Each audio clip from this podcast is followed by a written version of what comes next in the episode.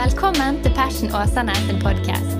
Vi har en ung og levende kirke i Åsane bydel i Bergen som ønsker å lede mennesker til lidenskapelig tro og overgivelse til Jesus, kirken og oppdraget.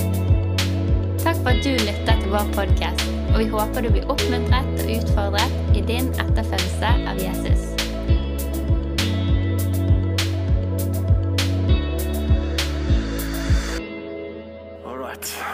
Vet du hva? Åh, det å være forkynner er en vond sak for min del. For jeg får så mange anekdoter og parenteser før jeg kommer til poenget. Beklager det. Nå skal jeg skjerpe meg. Eh, sånn er det.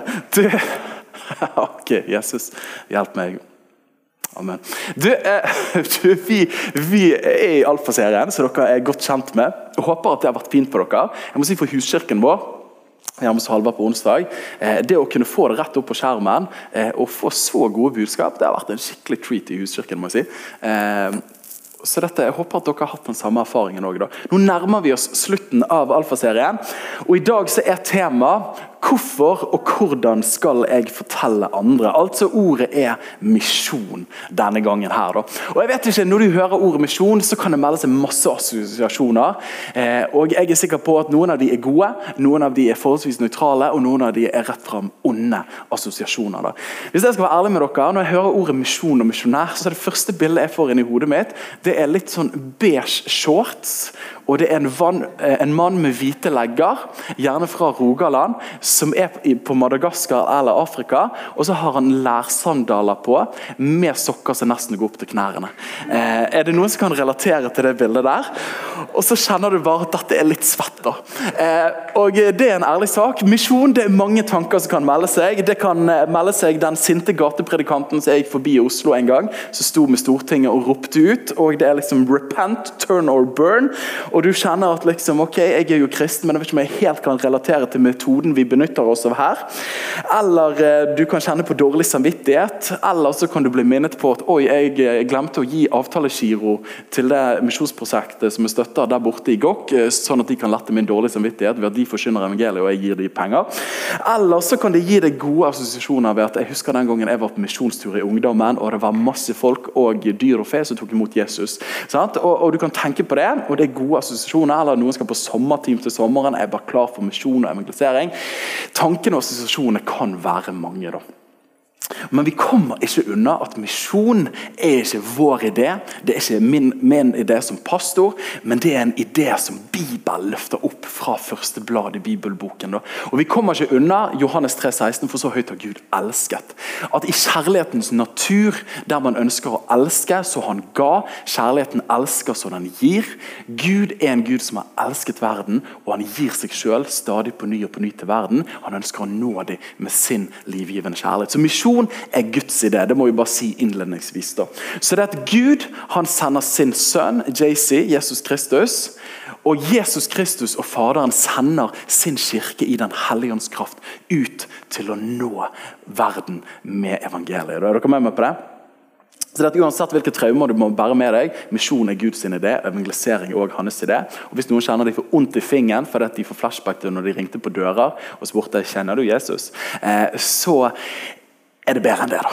Eh, og ja, Så jeg håper at eh, vi kan få lov til å få litt bedre innsikt i løpet av de neste øyeblikkene. Så dette er hvorfor og hvordan skal jeg fortelle andre om Jesus? Og Her er det mye vi kunne sagt, men vi hopper rett i det. Så hvorfor fortelle andre om Jesus? Jeg er sikker på at ganske mange her inne har hørt Frans av Assisi sin formulering, i hvert fall den som er tilskrevet til han.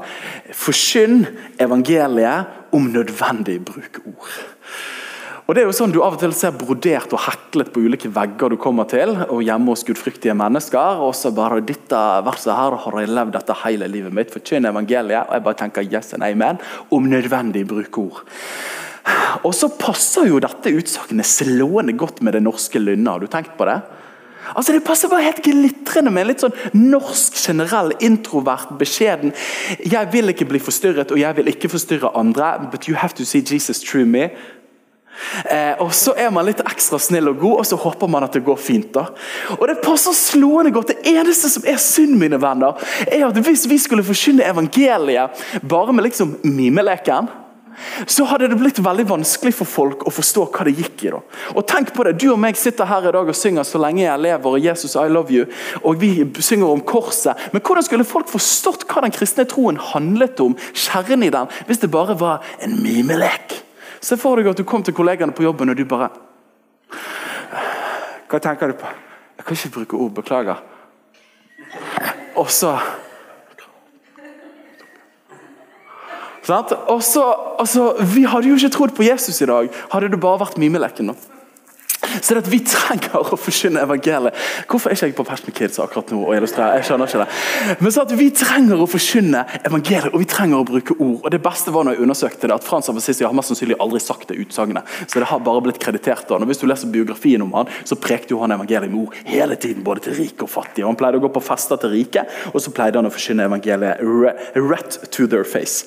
Eh, det var en spennende formulering. Så det at Vi trenger altså å formidle det med ord. Troen må tales for at han kan bli tatt imot. Er dere med meg på det? Og Da er det uten tvil mange gode grunner til å fortelle andre om Jesus, men jeg har lyst til å løfte opp to hovedgrunner til hvorfor vi forteller andre om Jesus. Det første er ordet lydighet. Grunnen til at vi forteller mennesker om Jesus først og fremst, er pga. at Jesus ba oss om å gjøre det. Og Du skal lese Bibelen grådig selektivt. Hvis du klarer å komme fram til at Gud ikke kaller oss til å formidle de gode nyhetene til andre mennesker. Altså, Da har man gjort en stor redigeringsjobb og hoppet over veldig mange avsnitt. Man kommer ikke unna at alle evangeliene ender med en misjonsbefaling. Du finner det i Matteus, du finner det i Markus, du finner det i Lukas, du finner det i Johannes og du finner det òg i apostelens gjerninger. At På slutten av livet, som regel når en person dør, hvis de vet at de skal dø, så ofte de siste ordene de sier i testament, og dette er jo nye testamentet, er ofte noen av de viktigste ordene som de ønsker å etterlate til sin familie og sine nærmeste pårørende. ikke sant? Så Det er jo ikke uten grunn til at evangelistene som formulerte Jesu ord, tar de siste ordene og sier at dette er Jesu budskap og imperativ til hans etterfølgere når han har gått til himmel og Den hellige ånd har fått lov til å komme ned. Og vet du det, at I løpet av Bibelen så forekommer ordet 'gå' 1514 ganger. Så Du må lese veldig selektivt hvis du kommer under det. I Nytestamentet 223 ganger, og i Matteusevangeliet alene så benyttes det 54 ganger at Jesus sier 'gå'. Og husker Det var en pastor som sa en gang du skal ha et enda sterkere kall for å bli enn for å gå. For Jesus sa 'gå'. Så da bør du egentlig ha englebesøk eller sett Jesus på nytt. eller noe sånt, Hvis han har sagt 'forbli'. Så det kallet er å gå.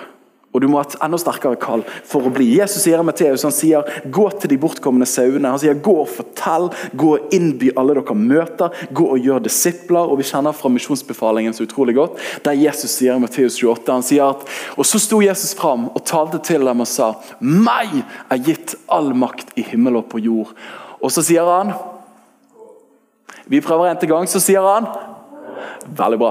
Gå derfor ut og gjør alle folkeslag til disipler. Bli derfor i kirkebygget! Og håp at de kommer til dere. Idet dere døper dem til Faderens, Sønns og Den hellige ånds navn, og lærer dem å holde alt det jeg har befalt dere, og se jeg er med dere alle dager inntil denne tidsalders slutt. Med andre ord, Jesus har bedt oss om å gå. Så grunnen til at vi driver misjon, første punktet, er at vi ønsker å være lydige mot Han som elsket oss, og som vi elsker tilbake igjen. Og Det er jo noen som har tullet med det, men dette blir jo kalt misjonsbefalingen. Men ofte så erfarer vi at det blir kalt misjonsoppfordringen. Hvis du føler litt for det og har en ekstrovert personlighet og har en D-personlighet på diskanalysen, så er nok dette noe for deg. Nei, nei, nei, Dette er en misjonsbefaling for hele Kristi kropp. Og På engelsk snakker vi om The Great Commission, så det store oppdraget. Og så tuller man av og til med men at det blir fort The Great Omission, som er unnlatelsen. Så Vi forkynner evangeliet først og fremst ut ifra lydighet. Det andre punktet er hvorfor forkynner vi evangeliet. Hvorfor skal vi gjøre det? Jo, pga. kjærlighet. Vi er glad i mennesker. Og vi ønsker å gi videre det som har betydd mest for oss. Et rykende fersk vitnesbyrd som jeg har lyst til å dele med dere, som har blitt veldig sterkt og levende for meg, det er at 12. Eh, april så ble Helene 30 år. Og I anledning hennes 30-årsdag så ønsket hun seg en robotstøvsuger. Og den robotstøvsugeren er fantastisk. Jeg vet ikke, Er det noen som har robotstøvsuger her inne? It has the potential to change your life. Eh, og Det er akkurat det det har gjort hjemme hos oss. da. For Jeg forstår jo at det egentlig var en mer gave til meg, for det er jeg har ansvar for støvsuging og vasking. Eh, for støvsuging. Men denne robotstøvsugeren jeg har jo tatt den, den kan jo både støvsuge og så kan han også vaske. Og Jeg har tatt meg selv i at jeg har lagt ut på sosiale medier hvor fantastisk det er med robotstøvsugeren. Hvordan det har forenklet livet vårt, forbedret kvaliteten på ekteskapet vårt. langt mer enn par dager gjorde. Og så alt mulig. Altså, det har gjort mye for oss. og Jeg har til og med tatt meg å skrive meldinger til venner og sendt bilder av robotstøvsugeren og sagt denne bør du kjøpe, for dette kan gjøre livet ditt veldig mye bedre. Hva er poenget? Jeg har møtt noe som har forandret livet mitt på en måte. Eh, og til det bedre. Og du bare tenker Daniel, ok. Jeg husker eh, markedsføring og ledelse på Danielsen videregående i første og andre klasse. Hvis det er én ting jeg har igjen fra det faget der, så var det at den beste måten å drive markedsføring på, det er ikke store billboards-reklamer eller Turn or Burn-reklamer på TV, men det er fornøyde kunder. Og hva er det som skjer? Robotstøvsugeren I'm a very pleased customer. Så det, Hva er det jeg gjør? Jeg bare deler om den. Og jeg er ikke sponset av dem engang. Det er jo for dumt. Sant?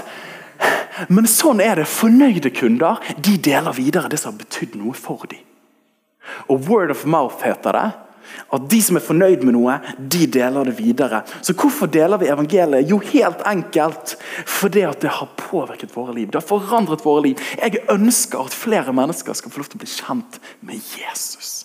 At flere mennesker skal få lov til å erfare løftene som finnes i Bibelen.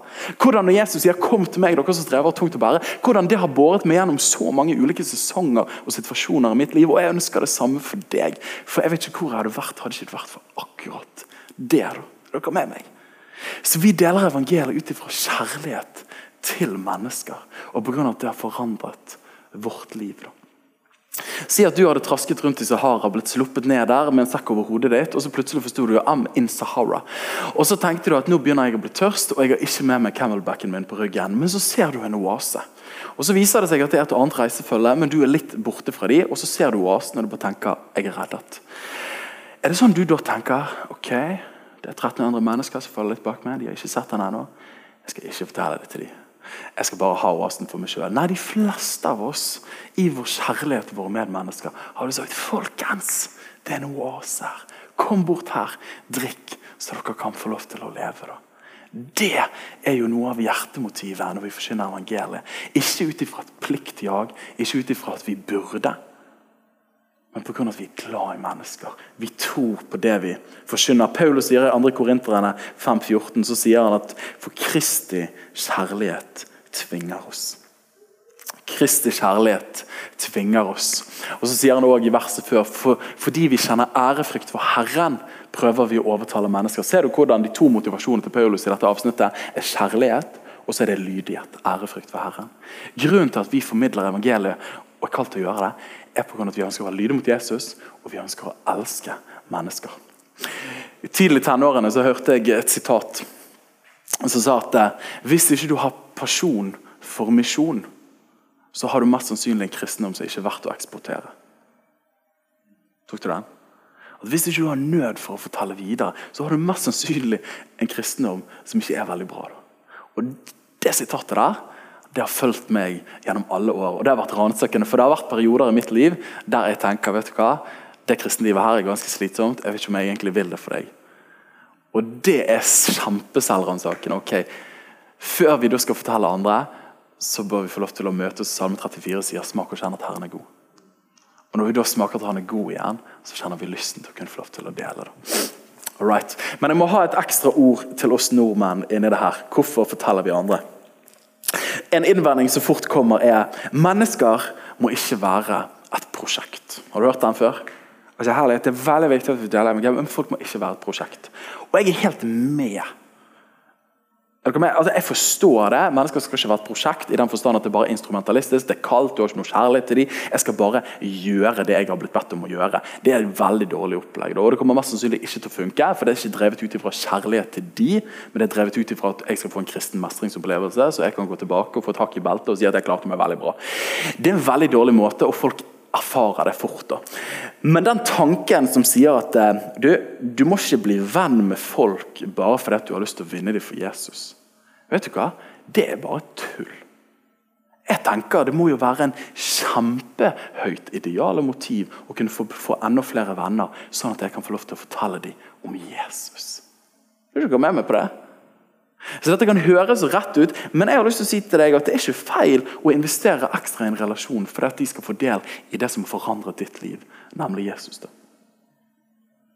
Og Hvis du er drevet av kjærlighet, så er du så klart glad i hele personen. Du bryr deg om hvordan de har deg. Men det er ikke feil at det dypeste motivet er at jeg ønsker at du skal bli kjent med Jesus. Tvert imot. Det er ikke sånn Jesus sier 'meg gitt all makt i himmelen og på jord'. Gå derfor ut og altså, Bry dere mest bare om folk og liksom bare, hvordan går det med familien og pensjonskassen. og liksom Bare involver dere i livet deres. Altså, Hvis det blir naturlig og de kjenner at de har et transcendent behov og de beveger seg fra agnostiker til liksom, de må tro på noe mer, så kan dere få lov til å lekke litt. Nei, nei, nei, Gå ut og forkynn evangeliet. Det er hovedmotivasjonen. De trenger å bli kjent med Gud. Og Bare se for deg eh, saniteten i krig. da. Så får deg at det er en mening som har blitt dødelig skadet, og så kommer det en, en kirurg og opererer han og så blir han frisk, tror du da at den menige da senere i livet bare sånn ah, Shoot, altså. Jeg ble så utnyttet. Han opererte meg, og så fikk jeg livet, men han har ikke pleid kontakten etterpå. Det er så utrolig kjipt. Disse legene og kirurgene. For noen fæle mennesker. Nei, tvert imot! Han, du, han fyren der han var great, liksom. Jeg lever i dag pga. han brydde seg om meg. Og Det er samme mentalitet. Jeg kan få lov til å hjelpe mennesker fra død til liv. Men jeg er ikke nødt til å sende julekort til dem resten av livet.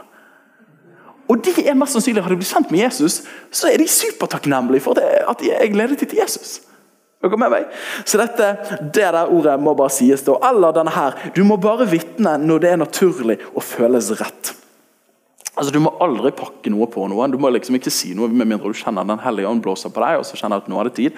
Og Det er også en litt sånn her romantisk tanke om at det alltid skal bare være rett timing.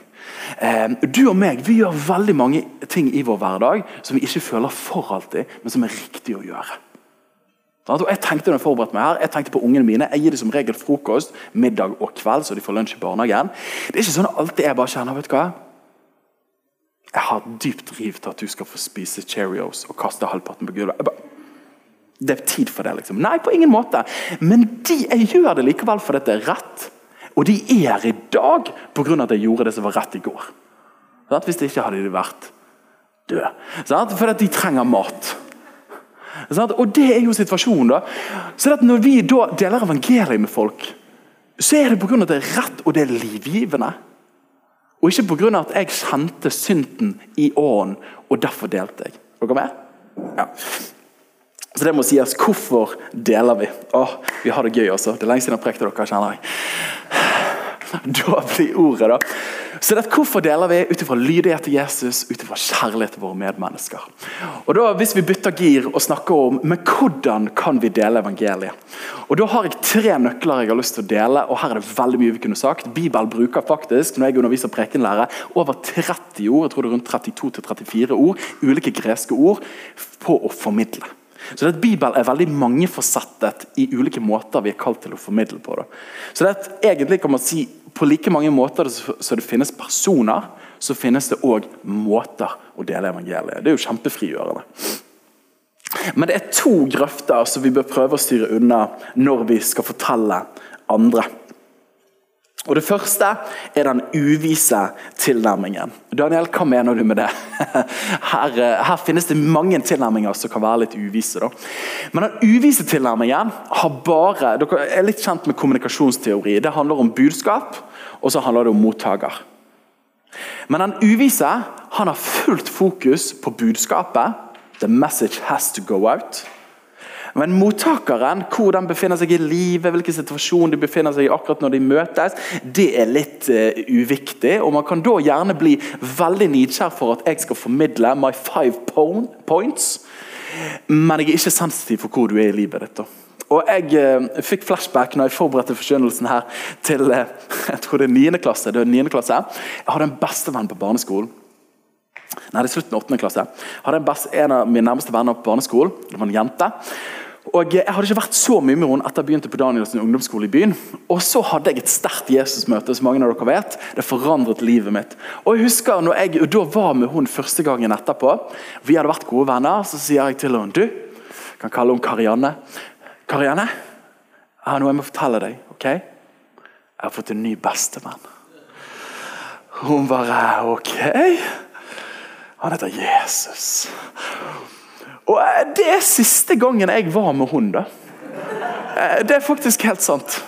Eh, og det ble på en måte en brudd i relasjonen. Og For meg var det veldig viktig at budskapet kom ut. Men jeg hadde ikke så veldig mye sensitivitet for hvordan det ble tatt imot. Eller en annen som faktisk var en enda nærmere venn av meg. Han het Gabriel gikk på barneskolen med han. Han hadde ikke det sett på en stund, og så møtte jeg han på bussen i 9. klasse. Og Jeg var så giret på Jesus, og vi ba jo for syke og alt som krypte og gikk. liksom. Så jeg møtte han og så bare hei, 'Kjekt å se deg, Gabi.' Og Så snakker vi fram og tilbake, og så uh, sier jeg til han 'Har du vondt et sted i kroppen?' Og så at, Greit nok første gangen, og så sier han 'Nei, det har jeg ikke'. Og så tenker Jeg å, jeg, ble bare sånn, jeg skjems nå tenker tilbake igjen. Men jeg var jo klar for at vi skulle få litt healings and miracles and some testimonies. baby. Så jeg spør er du sikker på at du ikke har vondt et sted i kroppen din. Han bare, ja, jeg er sikker på at jeg ikke har vondt i kroppen min. Jeg tror jeg spurte han tre ganger. Har du vondt et sted i kroppen din? For Jesus har lyst til å helbrede deg. Har du lyst til å høre et vitnesbyrd? Og Bare så totalt uvis og sensitiv på hvor folk var. Men jeg hadde møtt Jesus.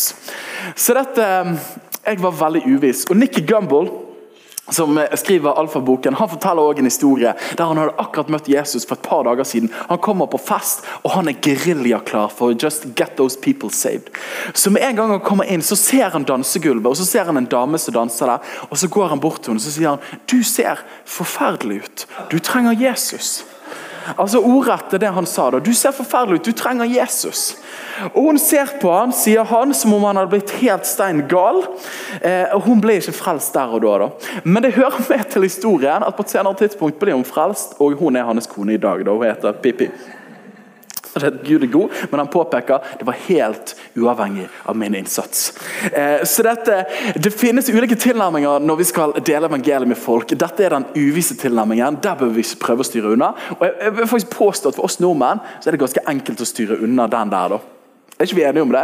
Det er ikke faren vår. Den andre utfordringen og grøften er den unnvikende grøften. Der vi prøver å styre unna. Her er vi veldig sensitive på mottakeren. Jeg har ikke lyst til å forstyrre og prekke på deg noen ting. liksom. Og Budskapet ender vi da med å gå på kompromiss med, fordi vi er så utrolig sensitive overfor mottakerne. Og Her kan vi dele mange historier. Men hvis jeg skal være ærlig med dere, så er en av de tingene som jeg synes er krevende av og til, og nå kommer det i full åpenhet her, men det er når vi er i sosiale lag der det ikke er høy kristenfaktor. Og så er jo alltid runden når du skal bli kjent med folk. Ja, hva jobber du som, da? Og så er det veldig fint å ha Helene med meg. For jeg tror Hun har en veldig spennende jobb. og med en gang du sier fiskehelsebiolog, folk bare, Oi, hva er det for noe? Eh, og så spør de ja, hva jobber du som. da? Og Da har det vært anledninger der jeg kjenner at vet du hva, å si at jeg er pastor og prest, liksom, det føles svett. da. Så jeg sier jeg er lærer. Jeg har jobbet på skole. og ja, hva skole? Nei, jeg jobbet jo på en kristen skole. Nei, jeg jobbet på ungdomsskole! Eh, og det var sånn kombinert barn. Ja, hvor er den skolen hen? Nei, ute i Nordhordland. Eh, så det er jo veldig fint. Ja, hvor i Nord... Nei, Alversund. Ja, det er jo ingen ungdomsskole, er det det? Jo, det er det. Det er en privatskole. Å ja. ja. Du, vet du hva min kone jobber som? Hun er fiskehelsebiolog. Og så pleier jeg av og til å, å bende temaet over på henne, for dette er utrolig interessant. Og jeg ser jo en glitrende anledning til å kunne få lov til å si du, jeg jobber som pastor, jeg er predikant, jeg reiser som en sprettball, for jeg tror på Jesus. Og jeg, trenger, jeg, tror at folk trenger å høre om han da. Så det at nå når vi flydde hjem fra Spania, så kjente jeg, da kom jeg ved siden av et eldre ektepar og en dame ved siden av meg, og jeg fikk lov til å se gjennom alle bildene hun hadde tatt i Spania. Det var helt fantastisk. Og Jeg fikk se gjennom barna og barnebarna, og hun hadde til og med fått oldebarn. Så det var jo helt strålende. Og vi snakket på av i tre og en halv time. Så det at jeg tenkte jeg skulle få fri, siden jeg kom på den ene raden som var borte fra Helene og barna, fordi de er i mammafase akkurat nå, men jeg fikk ikke helt fri da. Men uansett, så kommer anledningen. Ja, hva jobber du som, da? Ok. Nei, jeg er, jeg er prest, pastor. Sant? Og jeg er jo ikke prest, dere vet jo det, men det er det folk vet ofte. Og da og så liksom tar mot til meg og tar litt sånn sats på innsiden for å løpe 60-meteren. Jeg er pastor og prest og forteller folk om Jesus. Og det er jo bare en kjempeengang. Og hun bare åh, åh, Jeg visste det var noe spesielt med deg. Og så stryker hun meg på armen. da. Og det blir jo bare en kjempeanledning. Ja, har du hørt om han som er prest her hos meg i Biskopshavn kirke? Jeg har ikke hørt om han. Men jeg er veldig glad i Jesus. Og så blir jo det en glitrende inngang! Er dere med meg? Men jeg har den tilbøyeligheten til å være den unnvikende tilnærmingen, og jeg tipper flere av dere har den tilbøyeligheten av og til. da. Men la oss prøve å styre unna disse to grøftene. Hvordan fortelle folk om Jesus. Og da er Det første jeg har lyst til å si, og jeg har delt det opp i tre måter. men Det første er våre hender. Det handler om livene våre. Måten vi lever vårt liv på. Jesus sier det sånn i Johannes 5 i bergpreken. Så sier han dere er jordens salt. Dere er jordens salt. Men hvis saltet mister sin saltkraft, hvordan skal det da kunne bli salt igjen? Da er det ikke godt for noe annet enn å kastes ut og bli tråkket ned av menneskene. Dere er verdens lys. En by som ligger på et fjell, kan ikke skjules. Man tenner heller ikke en lampe og setter den under et kar, men i en lampeholder. Da gir den lys til alle som er i huset. På samme måte skal dere la lyset deres skinne for menneskene, slik at de kan se de gode gjerningene deres og ære deres far, han som er i himmelen. Dere er jordens salt. Jeg har lyst til å bare påpeke først jorden og verden. Vi kjenner jo 'This little light of mine, I'm gonna let it shine'. Jesus' sin visjon for hans etterfølgere er at vi skal ha global innflytelse. Det høres fullstig ut som om det kommer fra megakirke i USA, men Jesus sier at vi skal ha vidtrekkende innflytelse med fortellingen om Jesus, med livene vi lever. Jeg synes Det var så oppmuntrende. Det er ikke sånn han sier dere er nabolagets salt. Ja, det òg. Men dere er jordens salt. Dere er verdens lys. Vi er kalt til å påvirke verden. Er ikke det fint? Og Hva er funksjonen av salt? Jo, Før i tiden så hadde ikke de kjøleskap fra Elkjøp, men da saltet de kjøttet sånn at det skulle forhindre forråtnelse. Jeg tror noe av vi som Guds folk sin hovedoppgave i denne tiden her, er å være med å være med å bevare det gode av gudsbildet i mennesker. I det som er sant, godt, det som det tales vel om i samfunnet vårt. Vi skal våge å være, bevare det som er godt. På en annen måte så er også salt med å vekke tørst. Vi er ment å vekke en tørst i menneskene rundt oss. Og som noen har sagt eh, That begs the question. Hva er det med dere? Hva er det som er ulikt med dere? Hvorfor, hvorfor er dere på denne måten? her? Og det står, De forteller historikere om Romerriket at når det kom pest der, så løpte folket ut av byen, men de kristne løpte inn i byen. Så hvordan forteller andre om Jesus? Våre hender, livene vi lever. Altså William Tums har sagt det bra. Han sier «Be careful how you live. You will be the only Bible some people ever read». Det er bra sagt, altså. Du vil være den eneste Bibelen som enkelte vil lese. Og Historien om hvordan kristen nestekjærlighet og det kristne vitnesbyrdet har vært lys i en mørk verden, er det så utallig mange historier. av. Av og til kan du få inntrykk av at Nav er den store omsorgsmoren i Norge. Men er du klar over at, at kristen nestekjærlighetstiltak er det som preger veldig mye av historien de to, 2000 siste årene? Og Vi kan nevne sånn som William Wilberforce, som kjempet mot slaveri i 45 år i England. Dette var jo drevet av en dyp overbevisning, en kristen tro. 45 år, tenk på det. Bergen Indremisjon har jo en crush på bedehusbevegelsen. og hatt hele livet mitt, Men i 1863 startet de sitt arbeid. De hadde et gigantisk diakonalt arbeid i Bergen. Du har kanskje hørt om Indremisjonshjemmet, men det var en stor institusjon som hjalp mange nødlidende mennesker før vi hadde Nav og de tingene. Munkene, nåene i middelalderen, fremveksten av skoler. Er du klar over at skole i Norge er primært en kristenpietistisk idé? Så folk skulle lære å lese Bibelen og bli kjent med Gud? Eller Florence Nightingale, for de som er sykepleiere. 17 år gammel så får hun et kall fra Gud. Og hun er med å revolusjonere hele måten vi gjør sykepleiertjenesten på i verden, faktisk.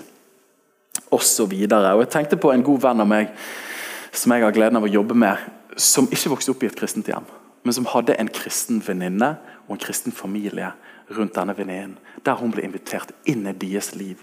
Hun fikk lov til å være med på søndagsskole, hun ble med på leirer, hun ble en del av familien. Og I dag så er hun en kristen person som står i kristent lederskap. Kom ikke fra et kristent hjem, men pga. at noen levde et liv som var tiltrekkende, og som hadde plass til flere. Er dere med? Så er det måten vi forteller andre om, først og fremst med livene våre. Så Der har Frans rett, hvis det var det han sa. Men han sa vel egentlig ikke. Men livene våre betyr i aller høyeste grad veldig veldig mye. Det andre er vårt hode. Og Nå kommer jo litt grafisk emoji her, som ikke er så tiltale. Men det er hjernen vår. Hvordan fortelle evangeliet til mennesker? Jo, ved hjelp av vår forstand og vår hjerne. Som Peter sier i 1. Peter 3,15. Han sier at eh, han sier det sånn som dette her. Vær alltid klare til forsvar når noen krever dere til regnskap for det håp som er, dere eier. Men gjør det ydmykt og med gudsfrykt, så dere kan ha en god samvittighet. Så dere kan ha en god samvittighet. Hva mener du med dette, Daniel? Jo, hvordan fortelle evangeliet til mennesker? Vi lever i et kunnskapssamfunn der folk har mange innvendinger. Og Det første du lærer på skolen, din, er at du skal stille spørsmål og si jeg vet ikke om jeg tror helt på dette her. Ja. Og eh, Her kommer det en liten gutt. Vil du løpe til bestemor? Nei, men det kan være at du må det. Nå preker pappa litt. Ja, bare, bare løft han med. Men det, er, det første vi lærer på skolen, er jo opp med hånden, og det er å stille spørsmål med det læreren rett før har sagt er dette her sant? kritisk tenkning. Så Vi lever i en tid der det er mange innvendinger mot egentlig alt. Og Det er jo på en måte prisen ved demokrati. Men vi trenger også da, jeg pleier å si det sånn, vi trenger å bli flytende i evangeliet. Vi trenger å kunne forklare og forsvare litt hvorfor vi tror det vi tror. da. Apologetikk er jo det vanskelige ordet som flere av oss har brukt år på å lære. Men det betyr å få forklare og forsvare hva vi tror. da. Og jeg tipper at Erfaringen mange av oss kan ha, er at eh, når folk kommer til oss og sier du, eh, hører du kristen, kan du fortelle meg litt eh, hva det går i? Eh, Jesus elsker deg. Og Det er første responsen, og det er ikke feil. da. Eller ja, men er det mer enn det? Han døde på et kors. Ok, det har jeg fått med meg, men hva er tingene med det? Hvorfor døde han? Han elsker deg. Og så er jo det sånn at Vi vet jo så mye bedre, og vi vet jo hvorfor han døde på korset. På grunn av han tok våre synder, og vi vet hva synd er. At vi har bommet på målet, og du og meg vi gjør feile ting. Og du kan appellere til folk sin erfaring. Vi vet jo disse tingene, men idet du kommer på spotten, så er det bare sånn øh, Jeg har 17 stjerner i søndagsskolekortet. Jeg kan det egentlig. altså lov, Kan du komme tilbake om to timer, så kan vi ta det da? Jeg skal av på busstoppet. Shoot, Jesus. Ja, altså Poenget er at vi trenger å bli flytende i evangeliet. Og Vi trenger å tenke litt gjennom hvordan deler vi det, og hvordan kan vi forsvare det vi tror på. da. Og Jeg har blitt veldig glad i det som heter trosforsvar. Og jeg har forstått mer om det. Jeg er en enkel sjel. Jeg møtte Jesus da jeg var 13, og for meg var det sånn ok, Jesus, du er real, jeg kjøper hele pakken. liksom. Så det Om folk hadde sagt at Jesus hadde skapt 3000 universer, liksom, og det var folk på alle de, og det sto i Bibelen i Sjette Mosebok det, var, det er sant? For Jeg var forholdsvis enkel. Jeg trodde på Jesus. Og jeg er på en måte en enkel sjel på denne området, men jeg forstår at veldig mange andre av oss vi har behov for å forstå mer. da. Og Når jeg har fått lov til å sitte meg inn i apologetikk sammenlignet med andre verdenssystemer, så ser jeg at faktisk så mener jeg at det finnes de beste grunner finner du folk som får tro den kristne troen. Jeg opplever at den kristne troen gir de beste svarene på spørsmålet som mennesker stiller. Så det er logisk å tro på Gud. Og vil også bare si at Sannheten er aldri truet. Så La oss ikke være redd for spørsmål og innvendinger. Ja, I Apostlenes gjerninger leser vi om Paulus i Tessalonikia at han samtalte med folk. Han åpnet Skriftene, han forklarte om Messias. Og så står det at noen av dem ble overbevist. Med andre ord, han var ikke redd for spørsmål, innvendinger. La oss tåle det når det kommer. Så forkynner med våre hender, våre liv, men la oss òg ha et hode og en hjerne som vet på hva vi tror, og hvorfor vi tror. Når folk spør oss, så vi kan være klar til forsvar og forklare på en god måte. Er dere med meg på det? Jeg har faktisk lyst til å slå et lite slag for alle og hver av oss til å kjøpe en sånn enkel kanskje trosforsvarsbok. Bare de mest grunnleggende spørsmål og innvendinger. Les den, sånn at man faktisk kan gi noen litt sånn vettugge svar istedenfor har du hørt om ordet agape? Det betyr Guds kjærlighet. Amen. Sant? Og kunne få lov til å gi noe litt mer enn akkurat det. da. Og så er det siste, og det er hjertet. Og Her har jeg lyst til å gi hovedtrykket. Men det handler rett og slett om ordene vi forkynner. Altså å forkynne evangeliet. Det første er med våre hjerter forkynne evangeliet. Fra livene våre. Vi har møtt Jesus, vi tror på han og kunne få lov til å formidle det. Og Dette går litt sammen i det andre punktet. Men vi skal ikke være redd for å dele på hva vi tror, med mennesker som ennå ikke tror. Og Som mange av oss har fått lov til å erfare, som jeg nettopp sa, av og til så blir vi litt målløse. Og Jeg har gleden av å lede M4 Ready, der vi trener kommende menighetsplantere. men også bare ledere. Og Vi har en øvelse som vi gjør med hvert kull. Det er at De skal gå sammen to og to, og tre og tre og fire og fire i små grupper. Og Så sier vi 'forkynn evangeliet' til den personen ved siden av deg, og de skal late som de ikke vet hva det går i. Og er du klar over at Det er en kjempeøvelse. For Da blir du satt på spotten der du trenger å formulere hva du tror. da. Så Jeg har faktisk lyst til å gi en utfordring. Dette burde du egentlig gjort nå. det skal ikke vi gjøre nå. Når du kommer hjem til din ektefelle eller en venn, kan du si du, kan vi bare late som du skal frelse meg? Det er jo feil formulering. Kan du late som du, kan du forsyne evangeliet for meg? Og så bare øve seg da, på det der. En kjempeøvelse. Og Kan jeg få lov til å kan jeg få gi en knagg til dere der? For det er fort vanskelig, sånn som vi har sagt. Ok, hvor begynner jeg? Men det firdelte evangeliet har blitt en sånn nøkkel for meg. da.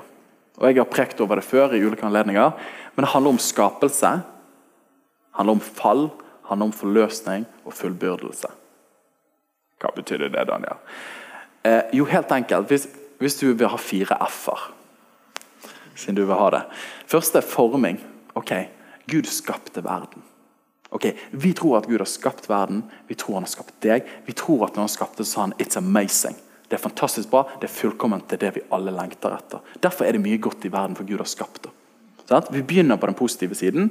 Dette er hele bibelfortellingen i et nøttskall. Så kommer vi til fall, forming, fall. Men så kommer det en sykdom som et synd inn i verden som er verre enn korona og som faktisk har evige konsekvenser hvis ikke vi blir reddet. Og det kjipe er at vi ikke klarer å fikse det på egen hånd.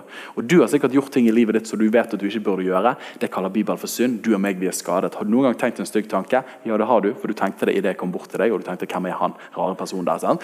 Så er det at du har gjort synd i ditt liv. Er du med? Så Punkt nummer to fall. Men så er det, så er det frelse. Men så er det en som heter Jesus Kristus. Han var perfekt, vi er ikke perfekt. Han kom og tok vår uperfekthet, og vi fikk hans perfekthet. Men han pakker ikke det på noen, men han sier 'vil du ta imot, så kan du få det gratis'. Men kjærlighet vil ikke kontrollere, men alltid invitere. Er du med? Punkt nummer tre. Og så er det fjerde punktet, som er fullkommenhet. Men en dag kommer han igjen, og da skal det bli himmel på jord. Og alle dine tårer skal bli tørket, og alle sykdommer skal være borte. Der har du evangeliet i et nøtteskall. Jeg har lyst til å utfordre dere på det. Bare få fire knagger eller noe sånt. Så bare sånn, sånn kan jeg formidle evangeliet. Veldig enkelt. Nå ble det veldig konkret, men vi trenger at det er konkret. da. Forming, fall, frelse, fullkommenhet. Evangeliet i fire knagger. Det andre punktet er del din historie. Vi lever i en tid som noen har kalt the triumph of the therapeutic. altså terapeutiske, hva jeg føler og mener, det er det som betyr noe i denne tiden. her. Og Det blir brukt mot læresetninger og rasjonell fornuft hele tiden. Det er bare å skru på telefonen din. Men, man kan jo for eksempel, men det som da brukes som regel, er den personlige fortellingen. Sant? And you can't argue with a story. Og jeg tenker Hvis de får bruke det, så må vi jo bruke det. Så fortelle hva Jesus har gjort i livet ditt, fortelle ditt vitnesbyrd, da er ikke det sånn folk kan komme og si eh, det stemmer ikke. Sånn, det gjør ikke vi, fordi vi er utrolig sensitive på hverandres historier. Men Det sier ikke bare på en kjip måte, men det er veldig kraftig å fortelle historiene våre. Jeg har ikke tall på hvor mange ganger jeg har brukt mitt eget vitnesbyrd, og det har fått lov til å gi håp til mennesker. For det er eier denne fortellingen, hva Gud har gjort i livene våre. Så Det er kanskje noe av det fremste jeg har lyst til å si, men vær frimodig med å dele din fortelling. Og faktisk øve deg på å kjenne din fortelling og kunne formidle din fortelling. Husker dere Johannes 9, der Jesus helbreder den lamme gutten fra fødsel av? Og Så tar øverstepresten han til seg og så sier de du, hva, 'Hvorfor ser du nå?' liksom? Og Så forteller han om Jesus, og så klarer ikke de helt å tro det. for de vil ikke tro det. Og Så blir han litt sånn provosert etter hvert. Han bare sånn, jeg har allerede sagt det til dere veldig mange ganger. Og Så sier han bare rett fram én ting vet jeg. Selv om jeg var blind, så ser jeg nå. And you can't argue with it. Jeg var blind, jeg ser nå. Dele historien vår. Og Så kommer det siste punktet. Hvordan forkynne evangeliet med våre hjerter? Jo, inviter mennesker med deg. Inviter mennesker med deg. Det var en fyr som het Albert Mac, McMackin, som var 24 år gammel, og han var en bondesønn. Og Han hadde nettopp møtt Jesus. Så Han var så giret på at flere skulle få lov til å høre om Jesus. Så Da tar han lastebilen sin for der har jo man så klart. Han tar lastebilen sin og så fyller han opp lastebilen med ungdommer. Men så var det særlig en ungdom han ville ha med seg, som var litt flamboyant og løpte etter pikene og ikke etter Kristus. Men han var veldig nysgjerrig for at han skulle ha med seg, så han ga seg ikke. Og til slutt så sa han ok, hvis du blir med meg på møtet, så kan du få lov til å kjøre lastebil. Og Da klarte han å overtale han til å bli med. da. Så han kjørte lastebil, selv om han egentlig likte å løpe etter jentene. Og Når han kommer på møte, denne unge mannen, så blir han grepet av det han hører. Og Så kommer han igjen flere kvelder, for dette var en møteuke. Og så til slutt så gir han livet sitt til Jesus. da. Eh, og Denne gutten her, han heter Billy Graham, og dette skjedde i 1934. da. Og Han har forsynt for 230 millioner mennesker evangeliet siden da. Og ble kalt hjem til Herren i 2018. Det er ikke en fantastisk historie? Han Albert Mackin han har ingen av dere hørt om før. Men 230 millioner mennesker kan takke han for at de har hørt evangeliet. Er ikke det vakkert? Og På samme måte Andreas, Simon Peters bror. Første gang vi møter han, så møter vi en Johannes 1, 4, 41, mener jeg. Der står det og han førte sin egen bror Simon, altså Peter, og sa til han, Han fant først sin egen bror Simon. Peter sa til han, vi har funnet Messias, som oversatte Kristus, og han tok ham med til Jesus. Og Så står det to andre steder om Andreas i Johannes-evangeliene. Og vet du hva? Begge de to andre stedene så står det at han tok noen med til Jesus. Jeg har aldri sett det før. Utrolig oppmuntrende. Andreas var en sånn fyr som tok folket med til Jesus. Tenk, Ikke alle av oss kan bli en Peter, ikke alle av oss blir en Billy Graham, men alle av oss kan være med og ta med noen til Jesus. Ta ett steg nærmere Jesus. Inviterer dem med på møte. inviterer dem inn i julebesøk der det er en andakt. Inviterer dem med, jeg vet ikke hvor det kom fra. inviterer de på middag der man får lov til å bare se et kristent fellesskap. hvordan man spiser. Er dere med?